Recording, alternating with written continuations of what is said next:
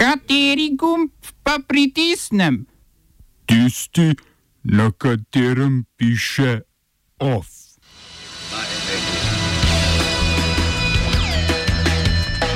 Razpustitev migranskega kampa v Oberviju na severu Pariza.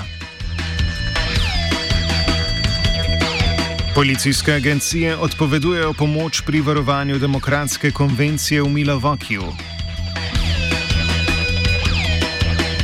Turški parlament sprejel zakon o nadziranju družbenih omrežij. Parkiriščna fronta pri knjižnici v Šiški. V krofu izguba okusa ob okužbi z novim koronavirusom.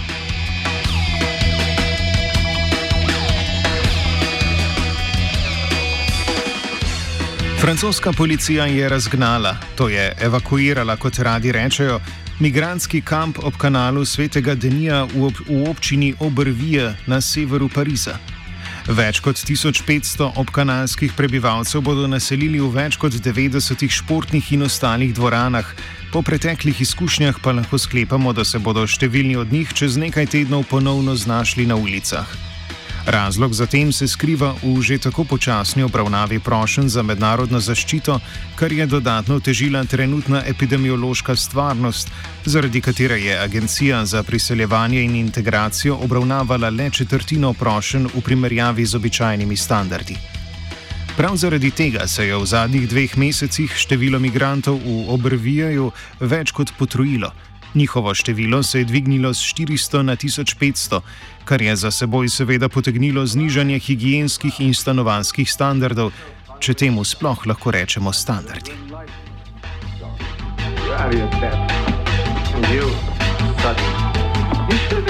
Medtem ko francoski policisti ženejo migrante iz barakarskega naselja v dvorane, pa je več kot 100 policijskih enot v Združenih državah Amerike odpovedalo pogodbe za dodatno varovanje nacionalne konvencije demokratske stranke v Milovokiju v sredini avgusta. Odpoved pomoči več kot tisoč mož iz ostalih zvezdnih držav je sprožila zahteva Komisije za državljanski razvoj, da se vodstvo lokalne policije Milwaukeeja izreče o uporabi sozivca in ostalih sredstev, uporabljenih na protestih po umoru Georgea Floyda. Kapljo čez rob je prilila policijska in gasilska komisija Milwaukeeja, ki ob morebitni neodzivnosti šefa policije Alfonza Moralesa pričakuje njegov odstop. Zato se policijske agencije bojijo, da ne bodo smele uporabljati standardnih sredstev prisile ob ljudskih zborovanjih, sozivca. Ob epidemiološki krizi in protestih širom države so demokrati konvencijo že zmanjšali na 300 udeležencev v živo, a so množična zborovanja kljub temu pričakovana.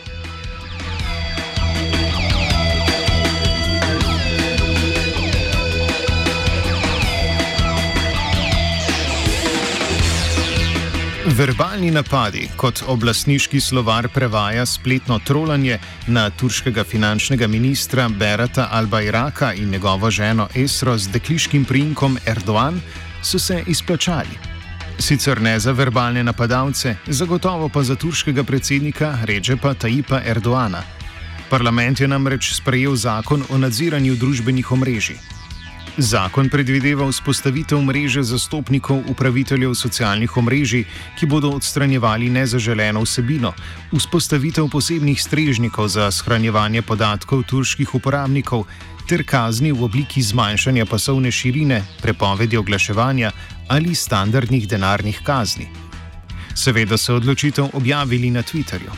Kritiki že kričijo o zmanjšanju svobode govora, vendar bo zakon verjetno le razširil krok sodnih procesov, v katerih se je znašlo že več kot tisoč Turkov, ker naj bi želeli lik in delo predsednika Erdoana.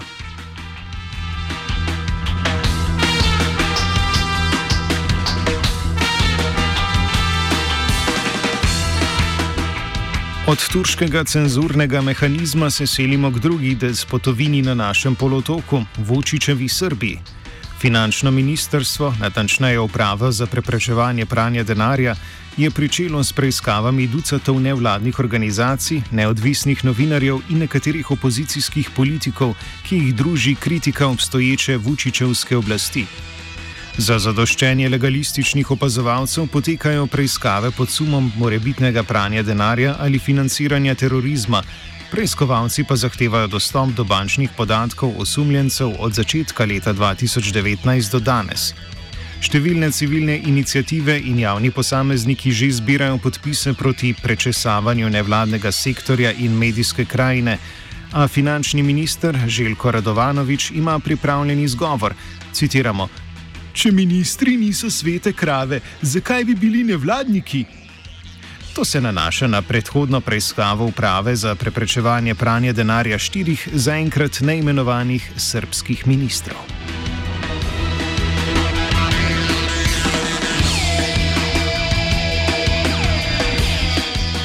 Skupščina kantona Sarajevo je soglasno podprla inicijativo konceptualnega umetnika Damirja Nikšiča. Ta je v šestih točkah zahteval javno objavo vseh držav, ki leta 2015 niso podprle neuspele resolucije Združenih narodov o genocidu v Srebrenici in sestavo seznama, na katerem bi se znašle vse persone non grate v kantonu. Gre za pravne in fizične osebe, ki jih kakorkoli podpirajo države nepodpisnice resolucije o genocidu.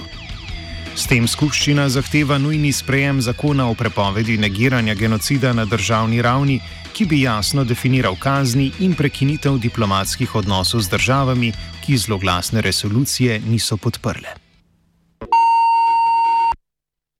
Znanstvena redakcija sporoča.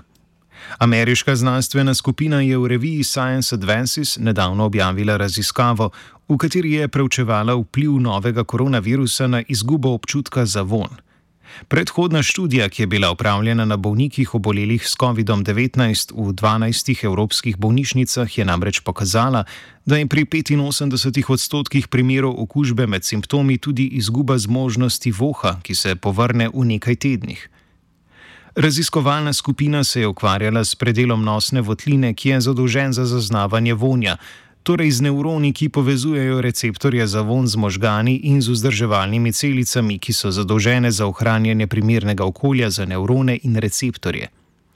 Spoznala je, da lahko novi koronavirus vstopi le v vzdrževalne celice, ki tako kot pljučne celice izražajo protein ACE2, preko katerega virus lahko vstopi v celico.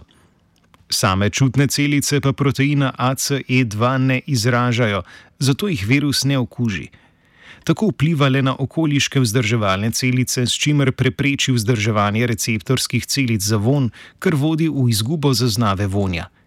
Ker virus ne vpliva neposredno na čutne celice, je okrevanje voha pri COVID-19 bistveno hitrejše kot v primerih, ko virus okuži tudi čutne celice in nevrone. Oba, če, če bom odgovoril na angliški. Slovenija will try to help. Uh, we can. Slovenija will. Uh, and we will. Do our utmost. To say that the situation is. Our problem ourselves. And uh, we will. Uh, make further steps as soon as the conditions are. Bomo vlado Marjana Cerera Šarca podprli. Very, very serious. News from Slovenia. We know how and we will.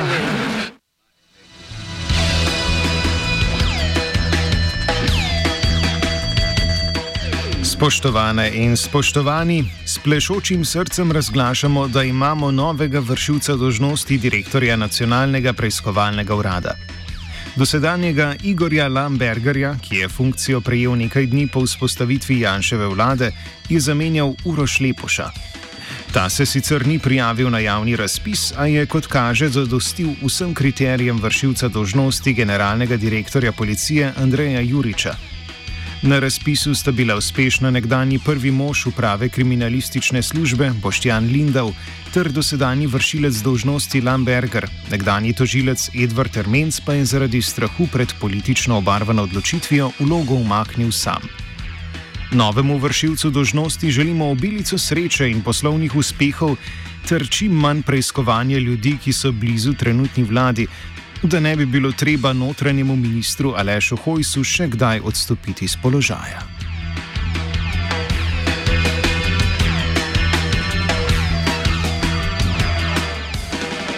Fronta za parkirišče se je izpred blagovnice v Murski soboti preselila v samo osrčje države, pred knjižnico Šiška.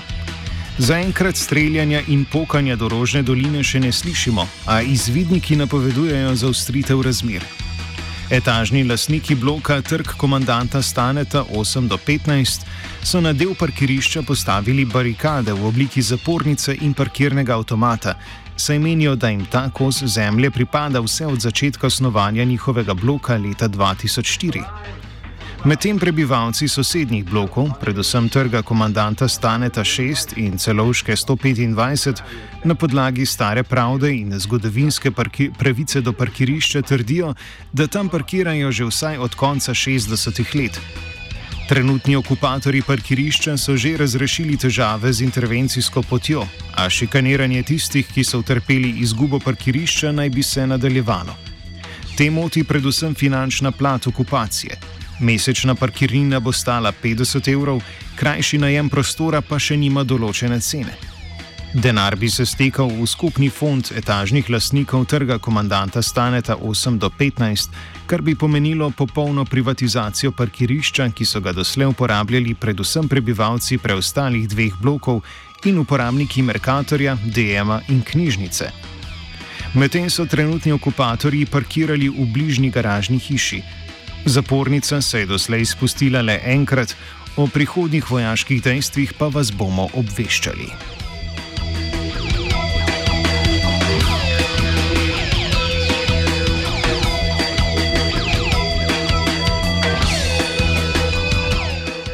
OF je pripravil Virant.